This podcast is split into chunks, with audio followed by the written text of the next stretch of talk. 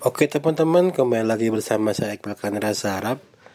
Di podcast kali ini saya akan membahas tentang apa ya? Ini hal yang baru saya temui sebenarnya minggu-minggu lalu. Ini sekedar saya sharingkan ke teman-teman tentang potensinya. Saya nggak belum bertemu dengan ownernya atau apa tapi dengan pekerjanya terus dengan kalkulasi jumlah karyawan dan aturan-aturannya sebenarnya cukup lihat cukup ketahuan lah berapa hasil yang didapat selama sebulan. Kebetulan sih minggu-minggu lalu istri saya sakit terus pijet kan. Nah di situ saya ngundang tukang pijat yang lumayan ngehit lah di Jakarta ini. Dan itu sebenarnya istri saya yang tahu juga sih.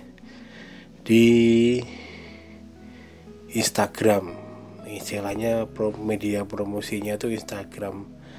Nah dari sana terus dilempar ke WA WA nanti baru dicarikan pemijatnya yang slownya jam berapa? Nah baru dari situ nanti pemijatnya datang.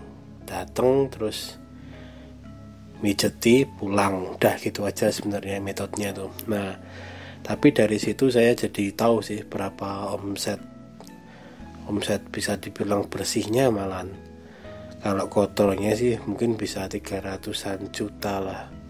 Untuk satu wilayah ya. Kebetulan kemarin saya tanya-tanya mereka dia punya 11-20 teman di satu area ini. Terus 20 teman itu setiap harinya minimal harus empat kali mijet kurang lebih seperti itu. Dengan biaya 145 untuk satu setengah jam dan 180 itu untuk dua jam. Hmm dari situ aja sebenarnya udah kelihatan teman-teman. Berarti kan sebenarnya estimasinya mereka 8 jam kerja kan. Kalau minimal 4 itu dengan estimasi satu orang dua jam mijeti gitulah lebih seperti itu. Nah dari situ juga sebenarnya bisa di, dihitung langsung teman-teman. Kalau 20 pekerja itu dalam sehari bisa full 5 berarti kan 180 dikali 4 itu udah berapa itu? Nah iya kan? 180 dikali 4 itu udah 720 teman-teman. Jadi satu orang tukang pijat satu hari menghasilkan 720 ribu kalau dia bilang ada 20 karyawan di wilayah khususnya daerah Jakarta Barat berarti kan sekitar 14 juta 400 dalam waktu sehari. Dengan catatan semua full. Tapi kalau yang dalam kasus saya kemarin saya harus nunggu. Berarti kan kemungkinan semua full ya. Nah, kurang lebih seperti itu teman-teman. Kalau sebulan berarti 114 eh, juta 400 dikali talorah mereka kerja 24 hari lah. Berarti sekitar 350 juta teman-teman. Kotornya selama sebulan di satu wilayah ini tok Jakarta Barat itu. Nah kalau dihitung-hitung lagi kotornya bersihnya dikurangin misal mereka digaji UMR taruhlah 4 juta. 4 juta dikali 20 80 kontraan karena kontraan mereka dapat mes ya. Kontraan mungkin mesnya 40 juta lah yang bisa 8 kamar dan nyaman gitu. 40 juta 120 kan. Terus 20 katanya mereka juga cuma dikasih cuman dikasih beras untuk fasilitasnya. Lauk beli sendiri. Taruhlah beras jatah 2 juta lah. Berapa karung gitu buat 20 orang. Dah terus mungkin gaji buat driver yang nganter-nganter misalnya 20 10 driver gaji 2 jutaan. Berarti sekitar 20 juta. 20 juta berarti 140 juta. Minyak dan lain-lain taruhlah 10 juta. Minyak buat mijet dan lain-lain. Oke itu listrik paling berapa ya? Taruhlah 100 160-an juta lah. Terus 350 dikurangi 100 dikurangi 160 berarti 100 berapa itu? 190 ya udah cukup lumayan lah. 190 100 200 lah paling segitu. Ya 200 juta lah. Pendapatan bersih sebulan. Itu satu wilayah ya. Padahal dia hampir ada di Jakarta Selatan, Jakarta Utara, Jakarta Pusat, Bandung, terus Surabaya.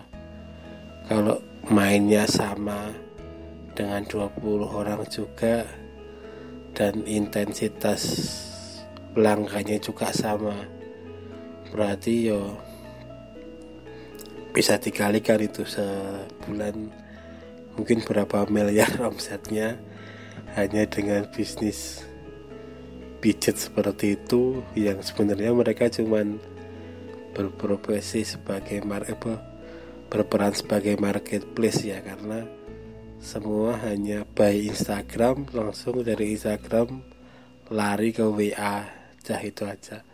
Dan cuman ngasih seragam. Itu belum potensi dari tukang pijatnya loh ya. Di harga 140 per satu setengah jam. Orang itu ngasih paling 150 biasanya ya buat tips lah. Dia dapat 10 ribu. Kalau yang dua jam orang pasti ngasihnya 200 pasti nggak dikembali nggak suruh ngembaliin. Itu udah 20 ribu tipsnya dia. Kalau sehari dia empat kali yang 120 berarti mereka sehari itu dapat 80 ribu tipsnya di luar gaji pokok loh ya 80 80 dikali 24 itu udah udah berapa itu? Banyak banget itu. 10 ribu 100 ribu aja udah 2 juta udah 2 juta 400 kan. Ya sekitar berapa itu? Paling 2 jutaan lah 2 jutaan. Berarti udah hampir 6 juta mereka ngantongin uang gaji pokok plus dari uang apa namanya? Dari uang tips. Sebenarnya juga lumayan lumayan juga mendapat segitu gitu loh. Tapi ya yang curaganya itu lumayan. Omsetnya hampir satu miliar hanya bisnis seperti itu. Mungkin bisa dicontoh buat teman-teman yang mau buka usaha pijat pijat yang bener loh ya ini pijat kesehatan. Karena prospeknya wah ternyata emang gila teman-teman. Dan dia udah katanya hampir 20 tahun bergerak di bisnis ini juragannya itu.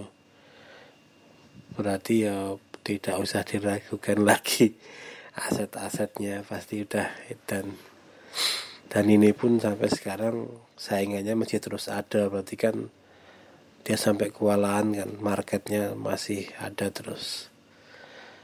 Ya mungkin itu dulu teman-teman potensi salah satu potensi make money di Jakarta dengan berbisnis tukang pijat belum lagi mungkin sebenarnya kalau yang nggak perlu ongkos apa-apa ya tinggal satu pemijatnya diikutkan ke message itu kan. Sebenarnya juga lumayan harganya juga sama. Satu tapi kalau di Gomejet mainnya setengah jam sejam gitu. Sampai 2 jam tapi harganya sama yang satu setengah juga. 140 ribu yang 2 jam 180-an lah hampir sama harganya. Tapi kan kalau yang message kayaknya tetap sama dan 20% buat gojeknya ya tetap potensinya lumayan sih. Katanya tetangga istri saya tuh setelah ikut go message sekarang nggak nerima lagi mijet di kampung. Karena tiap hari pasti sibuk dapat orderan gitu loh. Ya juga menarik juga sebenarnya. Simple tapi sebenarnya di sini mungkin banyak orang capek. Emang bisnis seperti ini menjanjikan ya. Pokoknya yang penting sesuatu yang bisa dipanggil tuh pasti di sini rame oke teman-teman segitu dulu semoga sharing ini bermanfaat siapa tahu teman-teman mau buka usaha ini melihat potensinya yang begitu begitu menarik di sini. Oke, sekian dulu teman-teman podcast dari saya. Selamat pagi, siang, sore buat teman-teman semuanya. Salam olahraga.